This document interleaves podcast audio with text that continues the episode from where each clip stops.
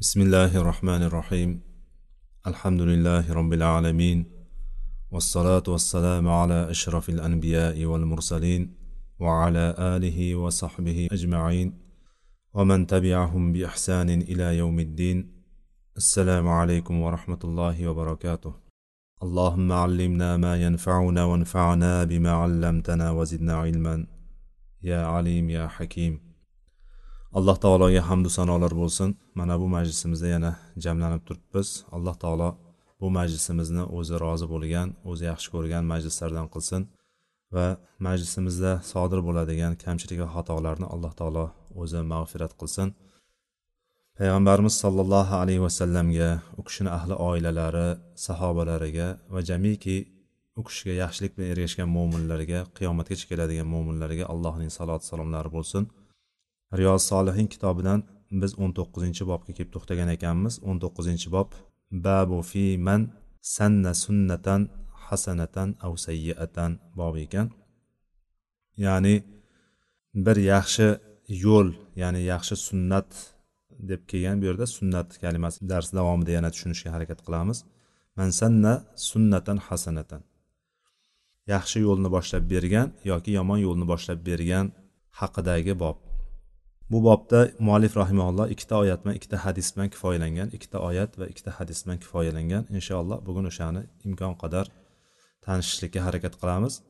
Faqat o'tgan darsimizdagi oxirgi bir e, hadisimizni jumlasida ba'zi bir e, savollar keyin tushganligi uchun o'sha savollarga kichik ozgina ikki og'iz aytib ochiqlab ketishlikni ma'qul ko'rdik. O'tgan darsimizda oxirida aytilgandiki har bir mo'min kishiga men haqliroqman. Kim agar mol dunyo qoldirib ketadigan bo'lsa o'zini ahligadir. Agar kim qarz qoldirib ketadigan bo'lsa yoki norasida bolalarini qoldirib ketadigan bo'lsa ular mening zimmamgadir ularning mas'uliyati mengadir degandi payg'ambar sallallohu alayhi vasallam. Va shundan bilgandikki e, agar bir kishi mol dunyo qoldirib ketadigan bo'lsa bolalari meros hukmlariga ko'ra taqsimlanadi merosi. Lekin bir kishini qarzi qoladigan bo'lsa yoki bir norasida bolalari qoladigan bo'lsa payg'ambarimiz buni men o'tayman men qarayman ularga dedilar. Undan oldin bilamizki payg'ambarimiz sollallohu alayhi vasallam hatto shu qarzi borlarni janozasini o'qimaganligi haqidagi rivoyatlarni ham yaxshi bilamiz. Qarzi borligi uchun. Bunga mashhur bir e, rivoyat keladi. Payg'ambarimiz sollallohu alayhi vasallam janoza o'qiyotganlarida janozani o'qishdan oldin so'rardi. Buni qarzi bormi yo'qmi? Deb so'rardi. Odamlar ha bor deydigan bo'lsa payg'ambarimiz sollallohu alayhi vasallam so'rardi buni o'taydigan odami bormi? Qarzini to'lab qo'yadigan odami bormi? deb so'rardilar. Agar ha deydigan bo'lsa namoz janozasini payg'ambarimiz o'qirdilar. Yo'q deydigan bo'lsa janozani birodarlaringga janozasini o'qinglar deb turib payg'ambarimiz sallallohu alayhi vasallam janozani o'qimasdan ketardilar. Ularga shunaqa darajada muomala qilinardi. Bu muomalani payg'ambarimiz sallallohu alayhi vasallam bir safar ansorlardan bo'lgan bir kishi e, vafot etgan paytda payg'ambarimiz keldilar va so'radilar unda qarzi bormi? deb so'radilar. Ha qarzi bor uch dinor qarzi bor dedilar. Uch dinor qarzi bor dedilar. Payg'ambarimiz sallallohu alayhi vasallam orqaga chekindilar. Ya'ni o'qishlikdan orqaga imomlikdan orqaga o'tdilarda sollu ala sohibikum dedilar. Birodarlaringga namozni o'qib qo'yinglar dedilar. Shundan abu qatoda roziyallohu anhu o'rnidan turdida yo rasululloh siz o'qib beravering meni zimmamga uning qarzi men to'layman qarzini dedilar. Va mana shu shaklda payg'ambarimiz sallallohu alayhi vasallam keyin yana namozni o'qib berdilar. Ya'ni payg'ambarimiz sallallohu alayhi vasallam qarzdorlarga muomalani mana shunday qilganlar. Ya'ni haqiqatda qarz hech qachon ko'tarilmaydigan darajada insonni zimmasida qoladigan ertaga qiyomatda boradigan bo'lsa hisob kitobda o'sha qarzdorlarni holati hatto shahidlardan ham tushmasligi haqidagi bizni E, ma'lumotlarimiz kitoblarimizda kelgan. Endi payg'ambarimiz sallallohu alayhi vasallam bu holatda qildiyu lekin bu yerdagi hadisda uning qarzi mening zimmamgadir dedilar. Buni qanday bir biriga bog'laymiz desa olimlar aytishadiki bu islomning avvali deydi islom zaif kuchsiz bo'lib turgan paytda mana shunday holatda payg'ambarimiz sallallohu alayhi vasallam muomala qilardilar. Agar qarzdor bo'ladigan bo'lsa birodarlari yoki qarindosh urug'lari uni to'lab qo'ymaydigan bo'lsa to'layman deb zimmasiga olmasa payg'ambarimiz namoz o'qimasdi o'shanga janozasini o'qimasdilar hatto. Keyinchalik payg'ambarimiz sallallohu alayhi vasallam madinada bo'lgan paytlarida musulmonlar quvvatga kirdi. Musulmonlar kuchaydi musulmonlar ko'p joylarni fath qildilar va musulmonlarga kengchilik biroz kengchilik bo'ldi. Musulmon davlati oyoqqa turgandan keyin e, jihodlar bo'ldi g'animatlar keldi. Ana o'shanda g'animatlar kelib boshlagandan keyin oyoqqa turib bo'lgandan keyin payg'ambarimiz sollallohu alayhi vasallamga oyat tushdi. Annabiyu avla bil mu'minina min anfusihim degan oyat tushdi. Ya'ni payg'ambar mo'minlarga ularning jonlaridan ko'ra o'zlarida ham ko'ra haqliroqdir degan oyat tushgandan keyin payg'ambarimiz sallallohu alayhi vasallam mana shuni aytdilar. Ana avla bil mu'minina min anfusihim dedilar. Men mo'minlarga ulardan ko'ra haqliroqman. Kim o'ladigan bo'lsa ulardan agar mol dunyo qoldirib ketadigan bo'lsa uni ahligadir merosxo'rlarigadir. Agar uni qarzi bo'ladigan bo'lsa faaliya qadouhu dedi. Men uni men to'layman dedilar. Ya'ni bundan ko'rinadiki olimlarimiz aytadilarki imom muslim rivoyatlarida kelgan mana shu hadisda aytadilarki bir kishi vafot etib qarzi yoki bola chaqasini qoldirib ketadigan bo'lsa albatta bolalar bulug'ga yoshi yetmagan balog'at yoshiga yetmagan norasida bo'ladigan bo'lsa payg'ambarimiz ularni hayotlarini turmushini turmushga ketadigan xarajatlarini payg'ambarimiz baytul moldan berardi. Va qarzlari bo'ladigan bo'lsa shu baytul moldan to'lanardi bu narsa payg'ambarimizga vojib bo'lgan deydi. Ya'ni payg'ambarimizga kelgan o'sha oyat bilan bu payg'ambarimizga vojib bo'lgan payg'ambarimiz uni o'taganlar to'liq to'laganlar deydi. Kimda shunaqa qarz qolib ketgan bo'lsa to'liq to'laganlar o'shani to'lovchisi bo'lmaydigan bo'lsa. Agar to'lovchisi bo'ladigan bo'lsa farzandi bo'ladigan bo'lsa farzandlari to'lagan. Buni siyrat kitoblarimizga qaraydigan bo'lsak mashhur mashhur rivoyatlar bor. Kimda farzandlari ishlab topa oladigan qurb yeta oladigan to'laydigan darajada bo'ladigan bo'lsa to'lashligi umid qilinadigan ko'z yetadigan bo'ladigan bo'lsa qarindosh urug'i to'lagan. Bola chaqasi ota onasi yoki e, bu tarafdagi qarindoshlari u ham bo'lmaydigan bo'lsa birontasi bo'yniga zimmasiga oladigan bo'lsa yuqoridagi abu qatota roziyallohu anhu qilgandek shunaqa qilib to'langan. Lekin o'shanday holat bo'lmaydigan bo'lsa ana o'shanda payg'ambarimiz sallallohu alayhi vasallam buni to'laganlar. Olimlar shuning uchun oyatda ham deydi oyatda kelgan sadaqot oyatlari ya'ni zakot taqsim qilinadigan kishilar safida sanalganda faqirlar ham o'sha yerda val g'omirina deb keladi. G'omirin degani bu yerdagi qarzdorlar. Qarzdorlarga ham baytul moldan zakot beriladi. Ya'ni zakot ajratilgan paytda sakkiz toifaga sakkizta toifa insonlarga kambag'allar faqirlar shunaqa qilib turib bitta sanalgan paytda o'shani ichida kim ham bor ekan? Qarzdorlar ham bor ekan. Olimlar shuni aytishadiki ya'ni qarzdorlarga ham o'sha zakot mollari beriladi. A endi payg'ambarimiz sollallohu alayhi vasallamga o'shani to'lashlik farz bo'lgan ekan. Payg'ambarimiz sallallohu alayhi vasallam to'lagan ekanlar. Endi qolganlarga to'lash shartmi degan paytda imom navoiy rahimaulloh aytadilarki bizni ashoblarimiz deganda mazhab ko'r mazhabdagi mazhab egalarini aytishadi. Mazhab boshlari mazhabdagi e, oldinda bo'lgan olimlar haqida gapiriladi faqihlar haqida. Bizni mazhabda deydi shu bizni sohiblarimiz aytishadiki bu valiyul amr ya'ni voriylariga payg'ambarimiz sallallohu alayhi vasallamdan keyin qolgan voliylarga bu narsa ularga shart bo'lib tushmagan. Shart bo'lib tushmagan degani albatta o'shani qarzini boshqani qarzini baytul moldan to'lab berishligi shart emas ularga. Lekin agar shunaqa bir holatdagi odam bo'lib qoladigan bo'lsa qarzini to'lolmaydigan bir odam bo'lib qoladigan bo'lsa to'lovchilari ham bo'lmaydigan holatda bo'lib qoladigan bo'lsa o'lib ketsa boyagi odam ana o'shanda agar baytul moldan sarflanadigan sarflar sarf xarajatlar boshqa o'rinlarda undan afzal undan ahamiyatliroq undan muhimroq bo'lgan bir narsalar bo'lmaydigan bo'lsa ana unda buni qarzini ham to'lab beradi baytul mol deb aytishadi. Uni ham lekin nima? Voliylar hal qiladi u narsani ham. Ya'ni shuning uchun aytiladiki qarzdan ehtiyot bo'lishlik kerak qarzni bo'lgan bo'lmagan narsaga qarz olishlikdan saqlanishlik kerak deb turib olimlarimiz qattiq tavsiya qiladilar. Ho'p bu o'tgan darsimizga ozgina to'ldiruvchi qismi edi. Bugun demak yaxshi va yomon yo'llarga yo'llarni yuzaga chiqarganlar o'shalarni hukmi haqida kelgan ba'zi bir oyat va hadislar bilan tanishamiz muallif rahimaulloh quyidagi ikkita oyatni keltirdi أعوذ بالله من الشيطان الرجيم والذين يقولون ربنا هب لنا من أزواجنا وذرياتنا قرة أعين وجعلنا للمتقين إماما bu birinchi oyat alloh taolo furqon surasini yetmish to'rtinchi oyati furqon surasini oxirgi ikki betida keladigan ibadur rohman deb boshlanadigan allohning rahmon taoloning suyukli bandalari bundaydir bundaydir deb sifatlaganlarni ichida ular shunday deydilar deb kelgan joyi bu. Ya'ni allohni sevgan bandalarini aytayotgan duolari shunday ekanki robbana hablana min azvajina va durriyatina qurrata ayun. Bu birinchi qismi.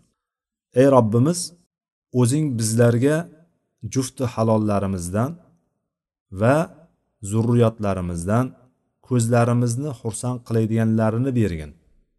Qurrota ayun ya'ni bizni shodi hurram qiladiganlarini bergin. Ikkinchi qismi vajaalna lil muttaqina imama va bizlarni taqvodorlarga peshvo qilgin. Taqvodorlarni e, o'shalarga oldida o'shalarni yo'l boschi qilgin o'shalarga deb turib aytgan duosi. Imom navoiy bu hadisni e, bu oyatni bu, bu o'ringa qo'ydi. Ya'ni bizni bobimiz nima edi? Bizni bobimiz sunnat bir yo'lni paydo qilishlik ya'ni bir yo'lni ya'ni bir yo'lni boshlab berishlik bir sunnatni boshlab berishlik. U xoh yaxshi bo'lsin xoh yomon bo'lsin. Oyatda boshida aytilyaptiki ular robbilariga duo qilib aytadilar. O'sha allohni suygan bandalari robbilariga duo qilib aytadilar. Bizni juftlarimizdan azvoj kalimasi zavuj kalimasi arab tilidagi zavuj deganda o'zimizda ham o'zbek tiliga kirgan zavja zavj degan kalimalar. Demak mana shuni ko'pligi azvaj degani. Aslida zavj kalimasi arab tilida oladigan bo'lsak zavj kalimasi zavjun degan kalima erkakka ham ayolga ham bir xil ishlatilaveradi. Er deganga ham xotin deganga ham ishlatilaveradi zavj degan kalima. Lekin meros ilmidagi faroiz ilmini olimlari buni ikkiga ajratishadi. Bir biridan farqlashligi uchun bitta o'sha jenskiy roddagi ayol jinsiga mansubligini bildirib turishlik uchun oxiriga bir ta qo'shib qo'yishadi. Ta marbuta degan ta harfini qo'shib qo'yishadida zavjun bo'lsa erkak zavjatun bo'lsa ayol bo'ladi deydi. O'zbek tilida ham zavja deb gapiriladi shuning uchun mana shundan olingan. Bir biridan farq zavj zavja deb aytilinadi. Bu faroizdagi ya'ni meros ilmidagi o'sha taqsimotda osonroq bo'lsin deb turib mana shunaqa bir biridan ajratishlik uchun lafzda ham farqini qo'ygan. Lekin arab tilini fasih arab tilini adabiy arab tilini oladigan bo'lsak qur'on nozil bo'lgan hadislar aytilingan hadislarda kelgan qur'onda aslini e, arab tilini aslini olib qaraydigan bo'lsak zavj kalimasi ikkalasi ham ishlatilaveradi shuning uchun an aishata zavjin nabiyi deb keladi. Hadisda ham rivoyat qilayotgan paytda oishadan payg'ambarning xotini oishadan deb ketadi. Ya'ni payg'ambarning zavjasi oyshadan. Zavji deb o'sha zavjati deb kelmayapti o'sha yerda ham. Ya'ni shunga o'xshagan mana shu farqliligi bor. Buni ozgina e, o'sha lug'aviy jihatidan ochib ketdik. Demak ko'zni quvontiradigan ayollarni ko'zni quvontiradigan juftlarni ya'ni ko'zni quvontiradigan umr yo'ldoshini so'raydi ular. O'sha allohni suygan bandalari ko'zni quvontiradigan juftni so'raydi o'ziga. Bu qanday bo'ladi? Ko'zni quvontiradigan deganda inson birinchi o'rinda xoh erkak bo'lsin xoh ayol bo'lsin o'shan bilan birga bo'lishlikni ya'ni shunaqa solihlikda har tomonlama bo'lganligidan uni ko'rgan paytda insonni ko'zi quvnaydi. Bahri dili yayraydi. Ko'ngli xushnut bo'ladi. O'shan bilan birga bo'lganda ya'ni o'sha jufti bilan eri bilan yoki xotini bilan bo'lgan birga bo'lgan paytda u qalbi rohatlanib turadi. Ko'ngli xushnut bo'lib turadi. Birinchisi agar unga bir narsani agar ayoliga bo'ladigan bo'lsa ayoliga bir narsani buyuradigan bo'lsa ayoli itoat qiladi. Bir narsadan qaytaradigan bo'lsa undan qaytadi. Mana shu bilan oila mukammal bo'lib turadi. Oila bir butunligini saqlab turadi. Ayolni ko'rgan paytda eri ko'ngli xushnud bo'ladi. Bir ishga buyurgan paytda ayoli gap qaytarmasdan unga itoat qiladi. Bir narsadan qaytargan paytda buni qilmagin bunday qilmagin yoki u yoqqa bormaysan bu yoqqa kirmaysan deganday narsalarni aytgan paytda ham unga ham itoat qiladi.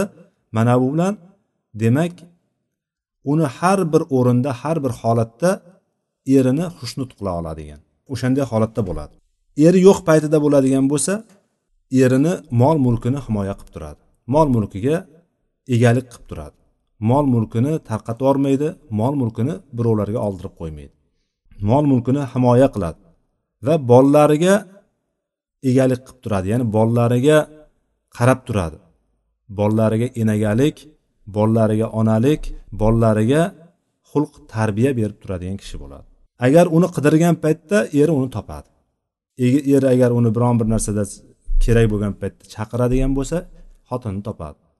Bu bir taraflama bo'ladigan bo'lsa ikkinchi taraflama erkaklarni ham ayollarga nisbatan oladigan bo'lsa erkaklar ham o'z haq huquqlariga rioya qiladigan erkak bo'ladi.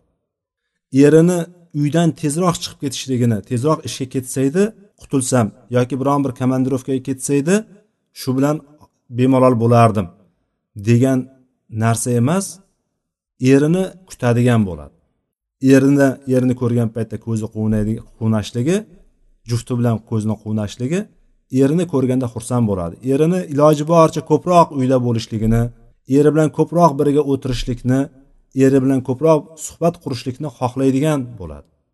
Ya'ni erkaklar ham mana shunday holatga o'zlarini moslash kerak bo'ladi. Chunki ayollar bir taraflama emas ikki taraflama bo'lishligi kerak. U taraf ham o'zini haq huquqini ayol taraf ham o'z haq huquqini bilishligi kerak erkaklar ham o'z haq huquqini biladigan bo'lsa o'rni kelganda erkak o'rni kelganda ayol past ketishlikni bir biriga muloyim yaxshi muomala qilishlikni biladigan bo'lsa oila doimiy mustahkam bo'lib turib davom etadi. Bo'lmasam ikkala taraf ham qaysarligini oladigan bo'lsa oilada hech qanaqa bir e, davom etishligu mustahkamlik degan narsa qolmaydi. Borgan sari yiprab boraveradi. Alloh taolo bundan saqlasin. Shuning uchun bizga alloh taolo o'rgatyaptiki bizga allohni suygan bandalarini duolarida robbana hablana min azvajina bor birinchi qismi.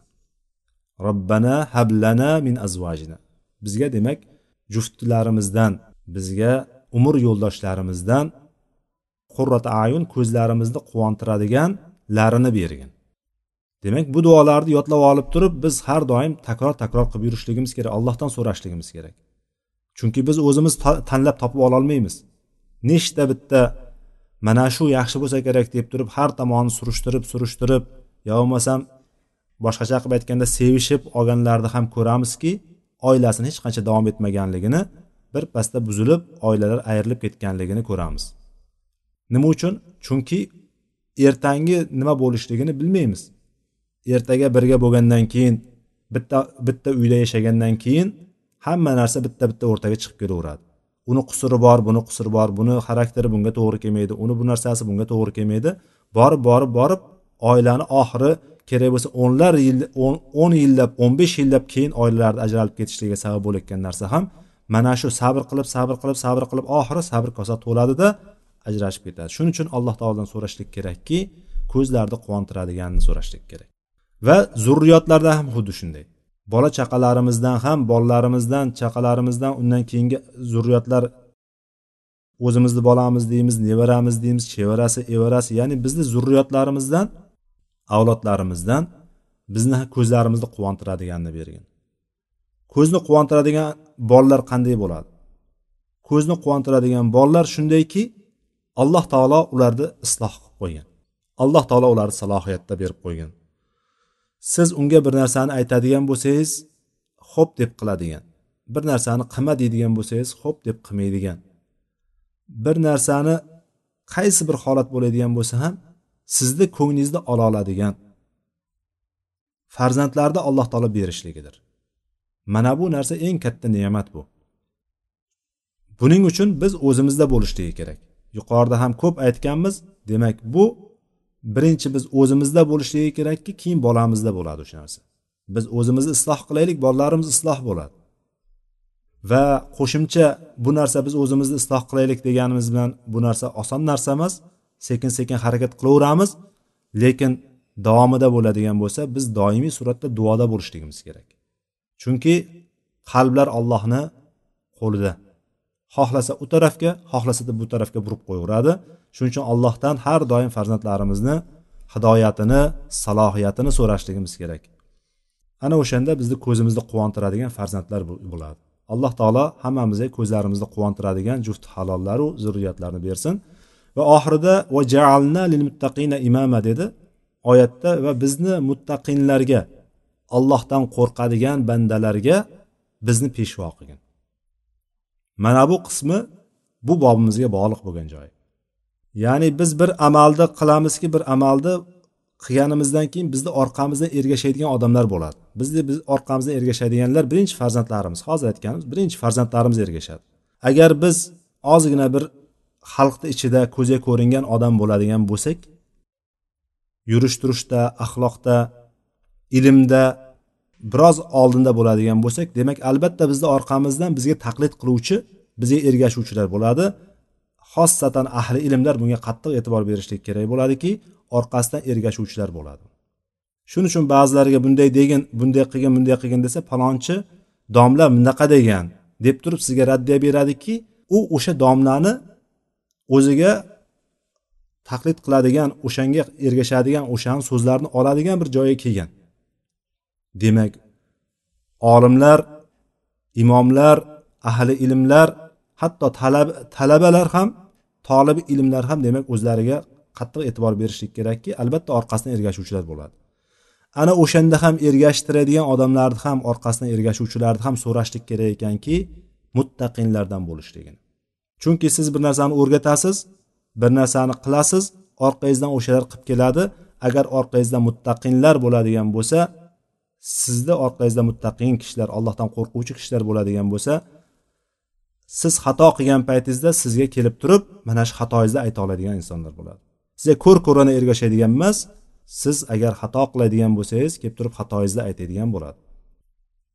Siz to'g'ri yo'lga boshlaydigan bo'lsangiz bir to'g'ri bir yo'lda ko'rsatadigan bo'lsangiz o'sha yo'lni hech ikkilanmasdan qiladiganlar bo'ladi chunki ular allohdan haqiqiy qo'rquvchi bandalar bo'ladi. Mana shu joyni demak oyatda kelyaptiki rahmonning suyukli bandalarini so'raydigan narsasi uchta narsa so'rayapti. Birinchisi ko'zlarni quvontiradigan juftlar ikkinchisi zurriyotlar uchinchisi muttaqinlarga imom qilishlik. Alloh taolo bularni bizga nasib qilsin. Undan keyingi oyatda vajaalnahum aimmata yahduna bi amrina degan oyatni keltirdi muallif rahimaulloh bu oyatni qolgan qismi ham bor. Lamma sabaru va kanu bi ayatina yuqinun qismi ham bor lekin muallif imom navoiy rahimaulloh birinchi qismini o'zini shu bobga tegishli deb turib keltirib o'tgan. Bu oyatda biz ularni amrimiz bilan ya'ni kishilarni haq yo'lga hidoyat etadigan peshvolar qildik. O'sha insonlarni biz peshvolar qildik. Va jaalnahum aimmatan yahduna bi amrina bizni amrimizga bizni ishimizga bizni dinimizga yo'llaydigan o'shanga qarab turib olib boruvchi o'shanga yetaklovchi peshvolarni qildik. Imomni peshvo deb tarjima qilyapmiz. Ya'ni yo'lboshchi. Imom degani o'zi oldinda yuruvchi degani amam so'zidan olingan amam degani oldi degan. Imom degani oldinda turuvchi degan. Shuning uchun imom deb aytilgan paytda eski kitoblarga qaraydigan bo'lsak imom degan paytda xalifalar nazarda tutilgan. Hozirgi kunda imom desak faqatgina shu anavi ko'rib qoladigan tushunib qoladigan bo'lsak masjidlardagi imom tushunib qoladigan bo'lsak oldin imom deganda voliylar nazarda tutilgan. Xalifalar nazarda tutilgan. Ya'ni bu yerdagi imom umumiy ma'noda bo'lyapti shuning uchun peshvo deb tarjima qilyapmiz biz. Va biz ularni bizning yo'limizga bizning ishimizga yetaklovchi hidoyat qiluvchi hidoyatga boshlovchi peshvolar qildik deyapti. Alloh taolo o'shalarni maqtayapti. Oyatni qolgan qismini qo'shadigan bo'lsak yanada tushunarliroq bo'ladi. Lamma sobaru ular sabr toqat qilganlaridan keyin. Ya'ni dinlarida kelgan kulfatlarga balolarga sabr toqat qilgandan keyin biz ularni odamlarga odamlarni hidoyat qiladigan peshvolar qildik deyapti. Biz ulardan o'sha peshvolarni chiqarib qo'ydik. Nima uchun? Dinlarda kelgan balolarga musibatlarga sabr qilganligi uchun. Va ikkinchi sifat o'sha peshvo bo'lishlikni ikkinchi sifati va kanu bi ayatina yuqinun ular bizning oyatlarimizga aniq ishonar edilar deyapti. Demak inson da'vat yo'liga kirar ekan islom yo'liga kirar ekan o'sha yo'lda yuraman deb turib harakat qiladi ekan ilm oladi ilm tarqatadi da'vat maydonlarida yuradi haqni yetkazaman deb turib harakat qiladi. Albatta bunga qarshi chiquvchilar bo'ladi chunki insonlarni aksariyati dinni yaxshi ko'rmaydi. Insonlarni aksariyati haqni qabul qilmaydi. Haqni qabul qilmaslikka harakat qiladi. Lekin alloh taolo hidoyat qiladigan bo'lsa undan ko'ra haqda yuruvchi inson bo'lmaydi. Lekin insonlarni aksariyati haqni yomon ko'ruvchi bo'ladi. Yoqtirmaydi chunki ular nafs havolari boshqa yoqda turibdi. Nafs havolari dinni xohlamaydi. Shuning uchun inson olloh yo'lida da'vat qilaman deb turib boshlaydigan bo'lsa da'vat dinga da'vat qilishni boshlayman deydigan bo'lsa yetkazaman deydigan bo'lsa unga qarshiliklar kelaveradi. Unga har xil laqablar otiladi birinchi. Undan keyin ular u ham yetmagandek unga bunga xabar berib turib sizni olib borib olib keltiradi boshqa qiladi. Mana shunday har xil mana payg'ambarimiz sallallohu alayhi vasallamni hayotini qaraydigan bo'lsak payg'ambarimiz da'vatni boshlaganda qanday qarshiliklarga uchradilar? Qilmagan yomonliklari qolmadi bu mushriklarni xuddi shunday hozirgi kunda ham agarki agarchi atrofingizda hammasi musulmon deb biladigan bo'lsangiz ham o'sha musulmonlardan keladi chunki u musulmonlar otaga musulmon. Tuyoq sonida musulmon xolos chunki ularda na namoz bor na niyoz bor na ro'za bor hech narsa yo'q. Lekin musulmonman desa musulmonman deydi.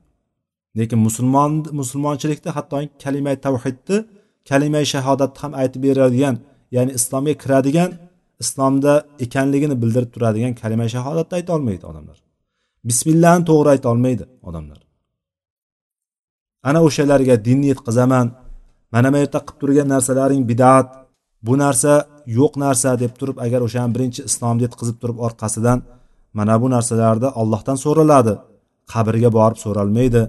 Mana yerga kelib turib daraxtga ip bog'laganinglar bir narsa bo'lib qolmaydi bu ip hech narsa qilib bera olmaydi. Daraxt ham bittasi hozir tagidan cho'p tashlasang ham daraxt o'zini qutqara olmaydi. Qanday qilib senga yordam bersin? Deydigan bo'lsangiz siz bilan jang qiladi. Hey mana mushkul kushot degani bibi seshanba degani bibi chorshanba degan narsalar yo'q deydigan bo'lsangiz sochingizni yulib tashlaydi xotinlar. O'sha yerdagi otinoyi bo'lib turib o'shani orqasidan non yeb yurgan o'sha otinoyilar sizni sochingizni yulib tashlaydi. Chunki ular o'shanga maxsus tayyorlanib turib o'sha borib o'qiydi bular. O'qib o'qib keladi lekin qaraydigan bo'lsangiz o'sha o'sha otinoyi deb yurgan xalqni ichida odamlarni uyoqdan bu yoqqa borib turib mavlud o'qigan mushkul kushotini o'qigan bibi seshanba chorshanbalarni o'qigan boshqalarni o'qib yurgandan ko'ra fasodchiroq xotinlarni ko'rmaysiz.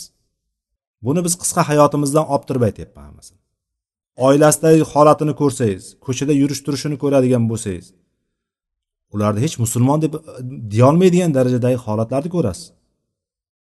Ana o'shalarni qaytaraman deb turib siz o'shalarga yetkazaman dinni haqni qabul qilsin o'shalar ham. Jahannamga o'tin bo'lmasin shular deb turib harakat qiladigan bo'lsangiz sizga qarshiliklar qiladi.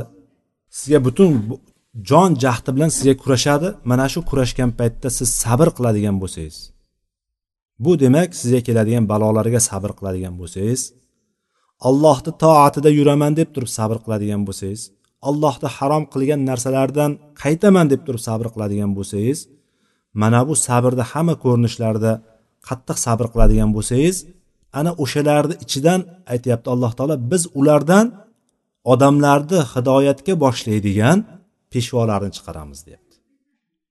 Peshvolarni chiqaramiz deyapti o'shalardan. Va ularni ikkinchi sifati bo'ladigan bo'lsa allohning oyatlariga mutlaqo hech qanaqa ikkilanmasdan aniq keskin qat'iy ishonadigan kishilar. Muqinun yuqin kalimasi muqinun deb o'shandan chiqyapti. Yaqin iymon degani. Qattiq ishonishlik hech qanaqa ikkilanmasdan ishonishlik. O'zizni ismingizda hech ikkilanasizmi? O'zizni otangizda onangizda hech ikkilanasizmi? O'zizni farzandingizda hech ikkilanasizmi? Yo'q. Demak dinda ham allohning oyatlarida har bir oyatlariga mana shunday darajadagi ishonch sizda bo'ladi. Ana o'shalarni ichidan alloh taolo peshvolar chiqaradi. Bu bobga aloqador joyi ham shu. Biz ularni ichidan shunday peshvolarni chiqaramiz. Odamlarni hidoyatga yetaklaydigan.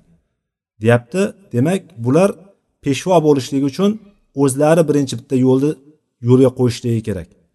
Allohni yo'lida bir yo'lni tutishlik kerakki o'sha yo'lni mahkam ushlagandan keyin odamlar unga ergashib boshlaydi. Bo'lmasam qayerdan ergashadi? Odamlar ergashib boshlaydi. Mana ahmad ibn hambal rahimaulloh taolo degan bo'lsak o'sha mehna degan Э, bir balo musibatga katta musibatga uchragan paytda muotazila tarafidan xilofat muotazilaga o'tgan paytda qur'onni maxluq deydigan maxluq dedirtiramiz deb turib o'shalarni vasvasi bilan hamma odamlarni olib kelib turib olimlarni xossatan ahli ilm olimlarni olib kelib turib o'shalarni maxluq deyishlikka majbur qildirgan. Ular jon saqlashlik uchun tilida bo'lsa ham aytib turib jon saqlab ketgan qancha bittasi bo'lgan. Lekin imom ahmad bo'lsa mana shunda turib berdi u kishini haqiqatda imom bo'ldi u kishi. Qur'onni maxluq emas deydigan bittayu bitta deydigan bo'lsak mana shu kishi qoldi desak bo'lar o'sha paytdagi davrda. Ya'ni mana shu darajadagi insonlar demak bir yo'lda siz turib berasiz sizdagi sabotni odamlar ko'radi ana o'shandan keyin sizga ergasha oladi. Demak siz bitta yaxshi yo'lni yo'lga qo'yasiz orqangizdan yuruvchilar o'shanda paydo bo'ladi. Yaxshi yo'l ekanligini odamlar ko'ra olishligi kerak. Ko'ra olishligi uchun demak siz sabr qilishligingiz kerak va o'ziz yetkazayotgan narsalarga qat'an ishonishligingiz kerak.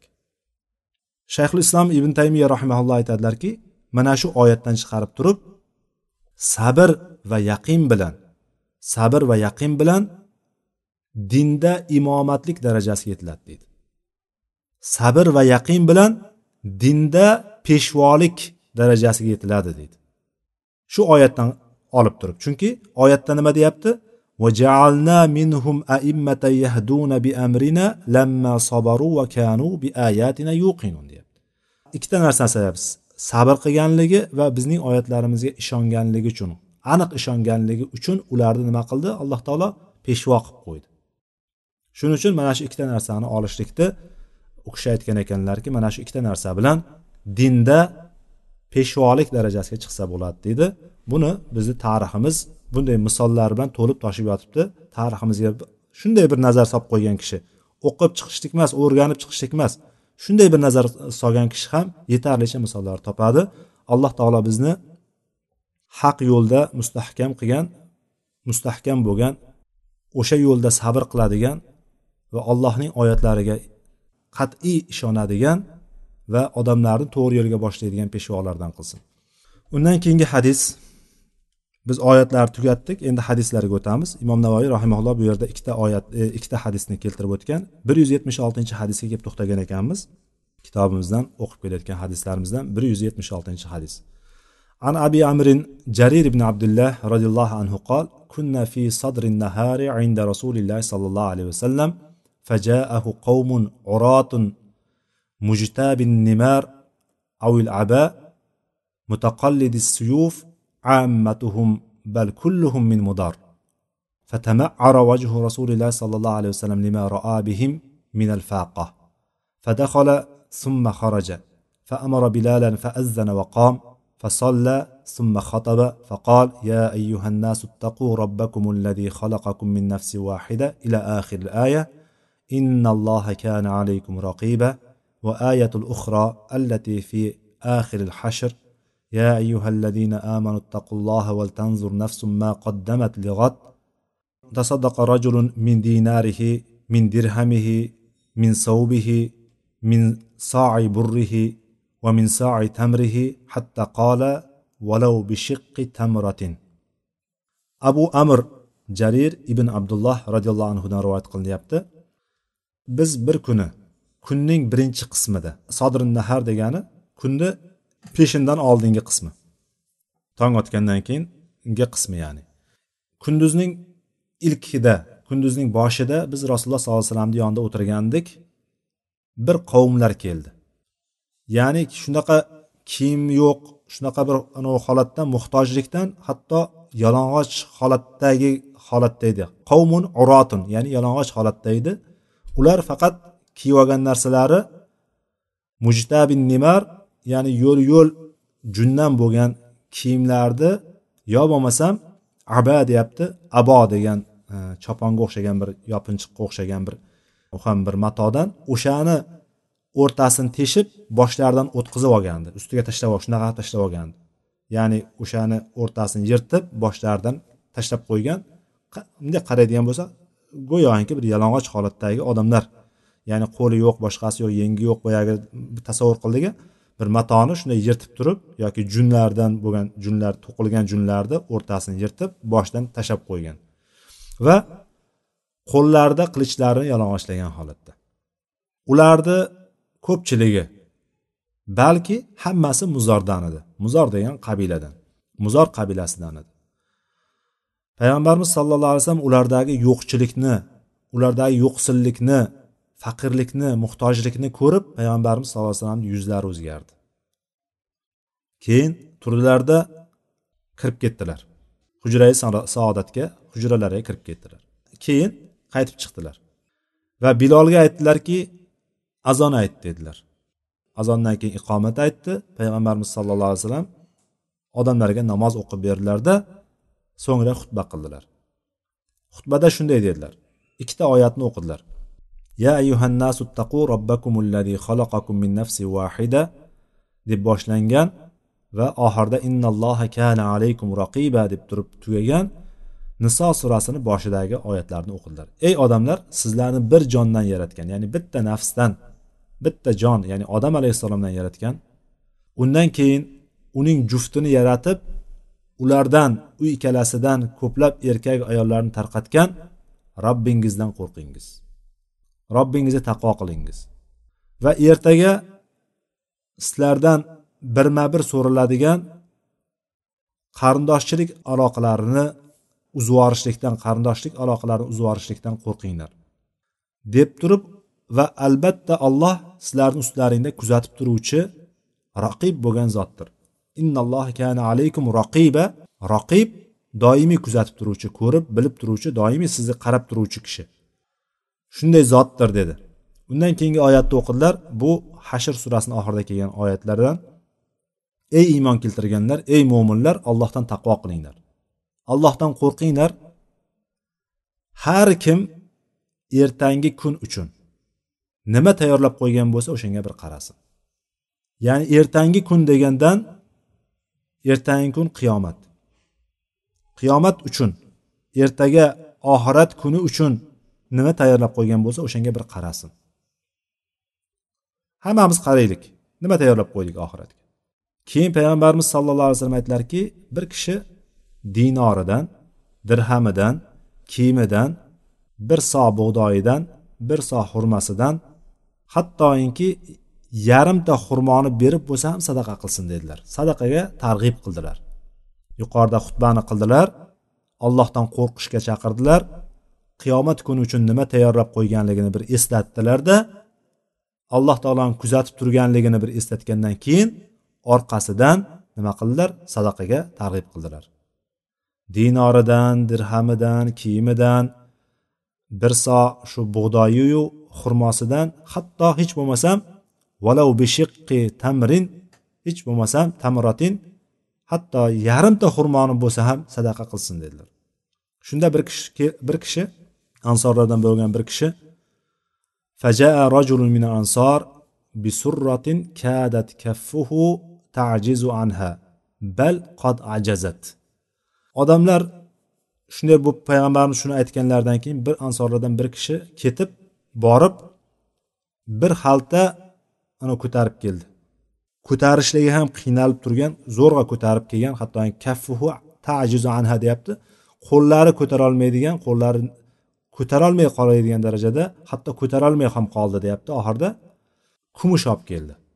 Undan keyin odamlar o'shani orqasidan summa tatabaan nasu hatta roaytu kavmayni min tuamin va siyabin hatta roaytu vajha rasulilloh sollallohu alayhi vasallam yatahallalu kaannahu mazhabatun muzhabatun yoki shunda boyagi kishi shuni olib kelgandan keyin odamlar shundan keyin hammasi o'shani orqasidan uni bu narsani olib kelishni boshladi.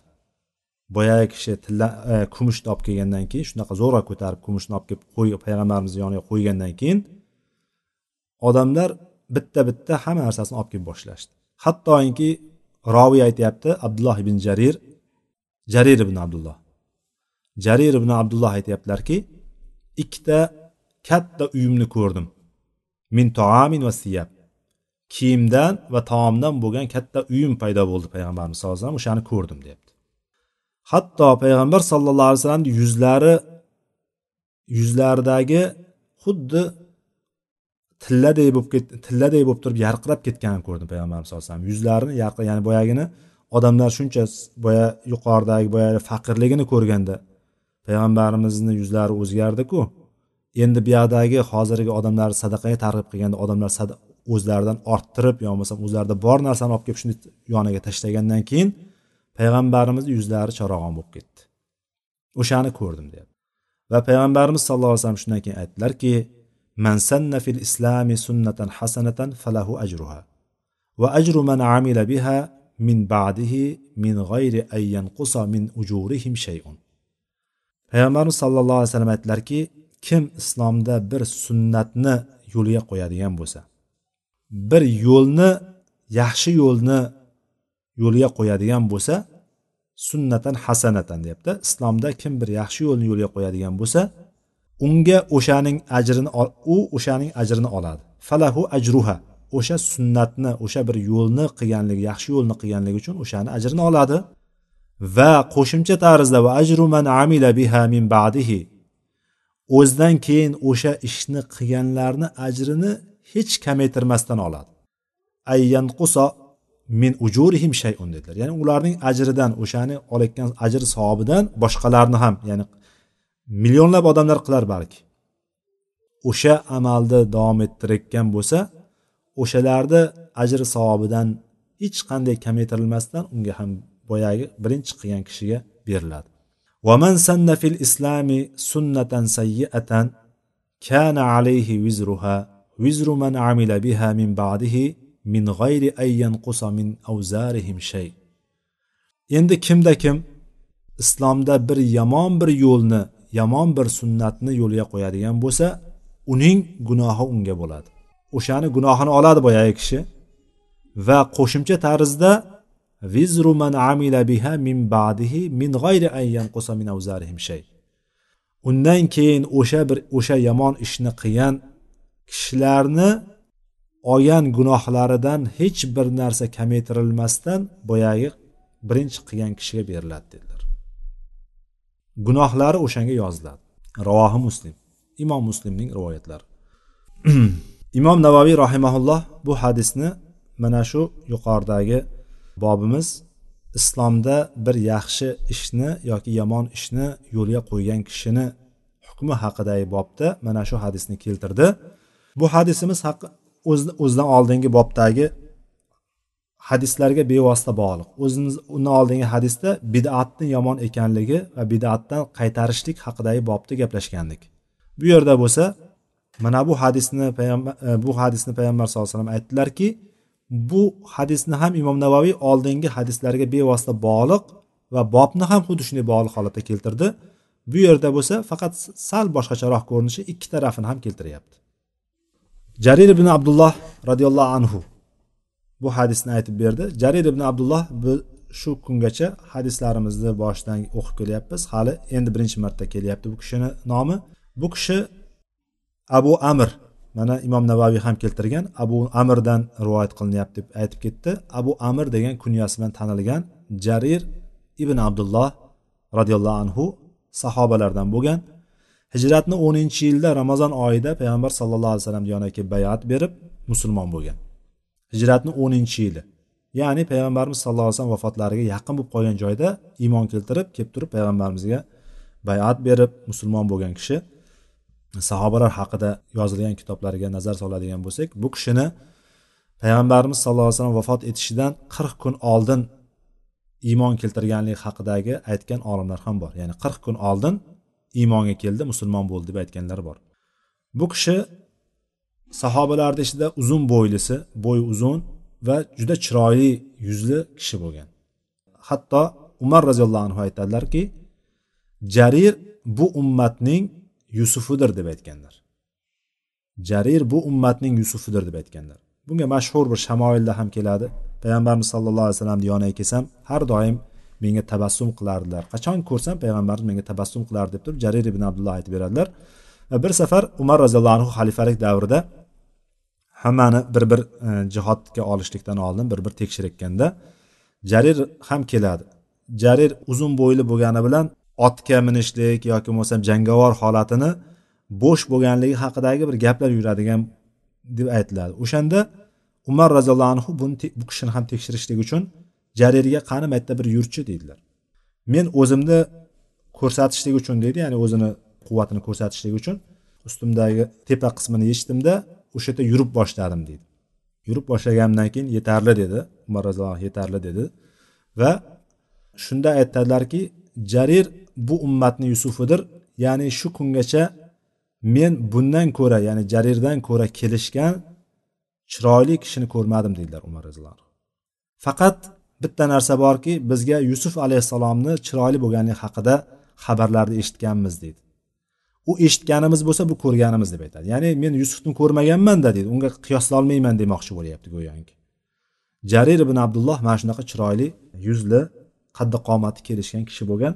Bu kishi payg'ambarimiz sallallohu alayhi vasallamdan keyin hodisa jangidan boshlab turib butun e, hamma jihodlarga qatnashgan iroqda bo'lgan butun jihodlar hammasiga qatnashgan boshida kufaga joylashib keyinchalik firot daryosini atrofidagi karkasiya degan joyga o'sha yerga borib turib o'sha yerga joylashib o'sha yerda yashab o'sha yerda vafot etadi ekan. Alloh taolo u kishini rahmatiga olsin. Rivoyatlarda ikki xil e, rivoyat keladi. Hijriy ellik birinchi yil yoki hijriy ellik to'rtinchi yil vafot etganligi ya'ni olti yuz yetmish bir olti yuz yetmish to'rt atrofida vafot etganligida ikki xil rivoyatlar bor. Jarir ibn abdulloh roziyallohu anhu bizga yuzta hadis rivoyat qilib ketgan. Shundan sakkiztasini imom buxoriy va muslim o'zlarini hadislarida rivoyat qilgan. Bu kishi bizga aytib beryapti o'zi ko'rgan voqeani bir kun bo'lgan voqeani aytib beryapti. Bir toifa insonlar keldi. Payg'ambarimiz sallallohu alayhi vasallam bilamiz namozdan keyin sahobalar bilan o'tirardilar. Halqa qurib o'tirardilar. Qayerda payg'ambarimiz o'tirgan bo'lsa o'sha majlisni to'ri bo'lib qolardi. Atrofiga sahobalar tizilib o'tirib o'sha yerda har xil narsalar bahs qilinardi. Ba'zan payg'ambarimiz so'rab qolardilar kim nima tush ko'rdi deydilardi va tushni tabir qilib berardilar. Ba'zan savol savollar bo'lardi. Ba'zan mana shunday boshqa qabilalardan odamlar kelardi. O'sha qabilalardan bittasi mana muzor qabilasidan bo'lgan mana roviy aytyaptiki ularni hammasi muzordan bo'lgan va ustida kiyimlari bo'lmaganligidan shunaqa bir e, yo'qsillikdan yo'qchilikdan mana shunaqa bir holatga tushib qolganlarki shunaqa jundan qilingan to'qilgan yo'l yo'l nimar degani bu yerda o'zi namirdan olingan yo'lbars degan ma'no namir yo'lbars degan. Yo'lbarsni terisi bilamiz yo'l yo'l bo'lganligi uchun bu ham o'sha to'qilishlik tarzi ham yo'l yo'l bo'lganligi uchun buni ham nimar deb atagan bu yerda. Arablar o'sha to'qilgan e, matoni ham kiyimni ham nimar deb atagan o'shani o'rtasini yirtib boshlaridan tashlab olgan holatda kelishdi. Va aytayotgan bu kishini tabiri qaranglar qavmun urotin deyapti yalang'och deyapti. Ya'ni boyagini tashlab olgani bilan demak aksariyat qismi ochiq bo'lganligini aytyapti. Va qo'llarida qilich qilich nimaga ko'tarib olgan bular qilich ya'ni alloh yo'lida jihod qilamiz deb kelgan bu sahobalar. Bular sahobalar hammasi. Alloh yo'lida jihod qilamiz deb turib amringizga muntazirmiz deb kelgan sahobalar bular. Payg'ambarimiz sallallohu alayhi vasallam bularni ko'rib turib mahzun bo'ldilar qayg'urdilar. Chunki payg'ambarimiz sallallohu alayhi vasallam ummatlari uchun mehribon shafqatli kishi edilar. Ularni ya'ni biz ummati uchun eng qattiq qayg'urgan kishi ota onamizdan ko'ra ham ko'proq bizni o'ylagan kishi payg'ambarimiz sallallohu alayhi vasallam bo'ladilar. U kishi o'shalarni ko'rib turib sahobalarni o'sha kundagi bularni ahvolini ko'rib turib payg'ambarimiz qattiq xafa bo'ldilar va turib hujralariga kirib ketdilar. Birozdan keyin chiqdilarda namoz o'qib berib turib xutba qildilar. Xutbada yuqorida aytganimizdek insonlarni hammasini birinchi taqvoga chaqirdi. Allohdan qo'rqishlikka chaqirdi. Allohga qo'rqishga chaqirdida va eslatgan narsa oyatdagi bizni ota bobomiz hammamiz bitta ekanligini otamiz bir onamiz bir hammamiz butun insoniyat qora tanli bormi oq tanli bormi qizil tanli bormi kim bo'lishidan qat'iy nazar o'zbekmidi tojikmidi qozoqmidi arabmidi armanmidi kim bo'lishidan qat'iy nazar hammasini hammamizni otamiz onamiz bitta ekanligiga bu yerda urg'u berilyapti. Ya'ni ular boshqa qabiladan bo'lgani bilan boshqa qabiladan bo'lsa ham sizlarni aslida tug'ishgan aka ukalaring aslida. Bundaqasi tepaga chiqib boradigan bo'lsak. Ikkinchi tarafdan bo'ladigan bo'lsa musulmon qarindoshligimiz bor. Musulmon aka ukachiligimiz bor bizni. Va mana shuni bir eslatdilar. Orqasidan alloh taoloni hammamizni ustida kuzatib turuvchi zot ekanligini eslatgandan keyin ertangi kun uchun ertangi kun ya'ni qiyomat uchun oxirat kuni uchun nima tayyorlab qo'ydik biz? O'shanga bir qarasin dedilar. Oyatni keltirdilar. Va oyatni keltirib aytdilarki sadaqa berishlikka targ'ib qildilar.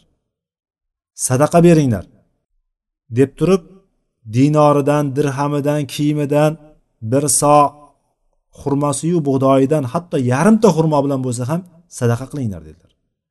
Yarimta xurmoni sadaqa qilgan kishi ham ertaga allohni huzuriga borib turib o'shan bilan bo'lsa ham oxirat uchun tayyorgarlik ko'rishligini payg'ambarimiz tavsiya qildilar. Ana o'shanda bir kishi turib ansorlardan bo'lgan bir kishi borib bir xalta qo'lida zo'rg'a ko'tarib keladigan darajada qo'l qo'llarida ko'tarolmaydigan darajada bir og'ir bir kumush olib keldida payg'ambarimizni oldiga qo'ydilar. Mana shu joyida pastida bog'laymizki payg'ambarimiz aytdilarki islomda kim bir yaxshi yo'lni yaxshi bir sunnatni tiriltiradigan bo'lsa yaxshi sunnatni yo'lga qo'yadigan bo'lsa unga o'shani ajri bor va undan keyin o'shani qilgan o'sha yo'ldan yurgan o'sha sunnatni qilgan kishilarni ajrlaridan hech narsa kamaytirilmasdan beriladi degan qismi bor. Ya'ni mana shuni bog'lagan paytimizda demak boyagi kishi kelib turib kumushlarni payg'ambarimizni yoniga qo'ydi birinchi bo'lib qo'ydi. Va qolganlar o'shani orqasidan ergashib boshladi. Odamlar ular ham uyda borini qo'lida borini o'zida borini orttirganini yoki bo'lmasam ba'zilar o'zidagi bor narsasini olib kelib tashladi yoniga. Va mana shu o'rinda ansorlardan birinchi bo'lib chiqqanligini biz yana bir joydan olamizki alloh taolo ularni maqtab aytgan. Ularni shunaqa o'rinda maqtab faxrlanib aytdiki yusiruna ala anfusihim valau kana bihim xososa o'zlari muhtoj bo'lib turib o'zlariga kerak o'sha narsa lekin o'shanda ham boshqalarni o'zidan ko'ra afzal deb turib narsalarni bera olgan kishilarni ansorlarni alloh taolo maqtagan. Bu yerda ham ansorlardan bir kishi turdida borib turib o'zi zo'rg'a ko'tarib keladigan darajada kumushni olib kelib payg'ambarimizni yoniga qo'ygandan keyin odamlar orqama ketin unga ergashib boshlashdi. Orqama ketin ergashib boshlashdi. Va katta uyimni ko'rdim payg'ambarimizni ranglari ya'ni shunaqa bir yarqirab ketdi xuddi oltinga o'xshab turib deb turib roviy aytib berdi bizga. Va orqasidan payg'ambarimiz shunga bog'lab turib shu bo'lgan voqeaga bog'lab turib kim islomda bir yaxshi sunnatni ya'ni boshqacha qilib aytadigan bo'lsak yaxshi bir yo'lni yo'lga qo'yadigan bo'lsa yaxshi bir ishni boshlab beradigan bo'lsa yoki boshqacha ta'bir bilan aytadigan bo'lsak unga o'shaning savobi bo'ladi va o'shandan keyin undan keyin qilganlarni ajridan hech narsa kamaytirilmasdan o'shalarni ajri ham beriladi dedilar. Va bundan ko'ramizki yuqoridagi kishi olib kelib berdi. Ansoriylardan bo'lgan bir kishi olib kelib berdi va mana shundan keyin odamlar olib kelib boshladi sadaqalarni bundan hadisdan oladigan foydalarimizdan demak islomda qilinadigan yo'llar ishlar yoki sunnatlar deylik uchga bo'linadi.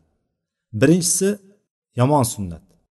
Sunnatun sayya payg'ambarimiz sallallohu alayhi vasallam aytgan kim islomda bir yomon sunnatni yo'lga qo'yadigan bo'lsa. Ya'ni buni biz yomon sunnat desak e, sal ta'bir boshqacharoq eshittirishligi jihatidan biz aytamizki buni kim bir yomon ishni yo'lga qo'yadigan bo'lsa kim bir yomon ishni qilib boshlaydigan bo'lsa islomda deb aytsak yanada anavi bo'ladi. O'shaning gunohi bo'ladi dedilar. Bunga bu yomon ish deganimiz biz oldingi darsda o'tganimiz oldingi bobda o'tganligimiz bidatdir. Dinda asli bo'lmagan dalili bo'lmagan va bizni dinimizda payg'ambar sallallohu alayhi vasallam undan keyingilar ham qilmagan bir yo'lni qilgan bir ishni paydo qilgan kishi bu bidat. Demak bu yomon sunnat yoki islomdagi yomon ish deymiz. Mana bu narsani payg'ambarimiz sallallohu alayhi vasallam zalolat ekanligini aytganlar va zalolatni do'zaxda ekanligini aytganlar. O'shani gunohi ham bo'ladi o'sha ishni qilib yurgan odamlarni ham hammasini gunohi. Demak o'sha ishni qilgan odamga borib taqalib turaveradi. Endi ikkinchi turi bo'ladigan bo'lsa ikkinchi ko'rinishi bu islomda bir asli bo'lgan mashru bo'lgan bir sunnatni yo'lga qo'yishlik. Bir islomda boshida sunnat bo'lgan keyin ba'zi bir sabablarga ko'ra o'sha sunnat tark qilingan keyinchalik bo'ladigan bo'lsa yana o'sha sunnat asli holatiga qaytarib kelingan bunga tarovih namozini olishligimiz mumkin. Payg'ambar sallallohu alayhi vasallam namoz o'qidilar kechqurun jamoat bo'lib turib ya'ni payg'ambarimiz o'qidilar insonlar orqasidan ergashdilar ya'ni imom bo'lib turib o'qib berganlar payg'ambarimiz sallallohu alayhi vasallam. Ya'ni chiqib masjidga mehrobga o'tib emas payg'ambarimiz sallallohu alayhi vasallam o'zlariga joy ajratib olgandilar. Ramazonda e'tikofda o'tiradigan joy ajratib olgandilar. O'shani ichida turib o'qidilar ya'ni chodir chodir qurib olgandilar. O'sha chodirda o'qidilar sahobalar bo'lsa orqalarida turib namozni o'qidilar va payg'ambarimiz imomlik qilaverdilar ular ergashaverdilar. Bu holat ikki uch kun takrorlangandan keyin payg'ambarimiz qilmay qo'ydilar. Sababi o'shani farz bo'lib qolishligidan qo'rqib qilmadilar bu narsa tark qilindimi? Payg'ambarimiz o'lguncha bu narsani qilmadilar keyin. Undan keyin abu bakr o'tdi undan keyin umar keldi. Umar mana shu ishni yo'lga qo'ydi yana sunnatni qaytarib qo'ydilar. Ya'ni o'sha sunnatni asli bor edi jamoat bo'lib o'qishlik asli bor edi. O'sha sunnatni qayta tiriltirdilar. Mana buning uchun umar roziyallohu anhuga ajr bo'ldi savob bo'ldi va mana bu savob yetib turaveradi. Bu birinchi qismi. Ya'ni o'sha e, sunnatun hasana deganimizni birinchi qismi. Yaxshi sunnat yaxshi ishni islomda yo'lga qo'yadigan bo'lsa uni ajr savobi unga bo'ladi deganimiz. Va ikkinchi turi bo'ladigan bo'lsa yaxshi sunnatni islomdagi yaxshi ya'ni sunnatun hasanani ikkinchi ko'rinishini oladigan bo'lsak bu narsa qanday tushunsak bo'ladi? Buni aytamizki bir ishni birinchi bo'lib qilishlik. Islomda bor edi aslida.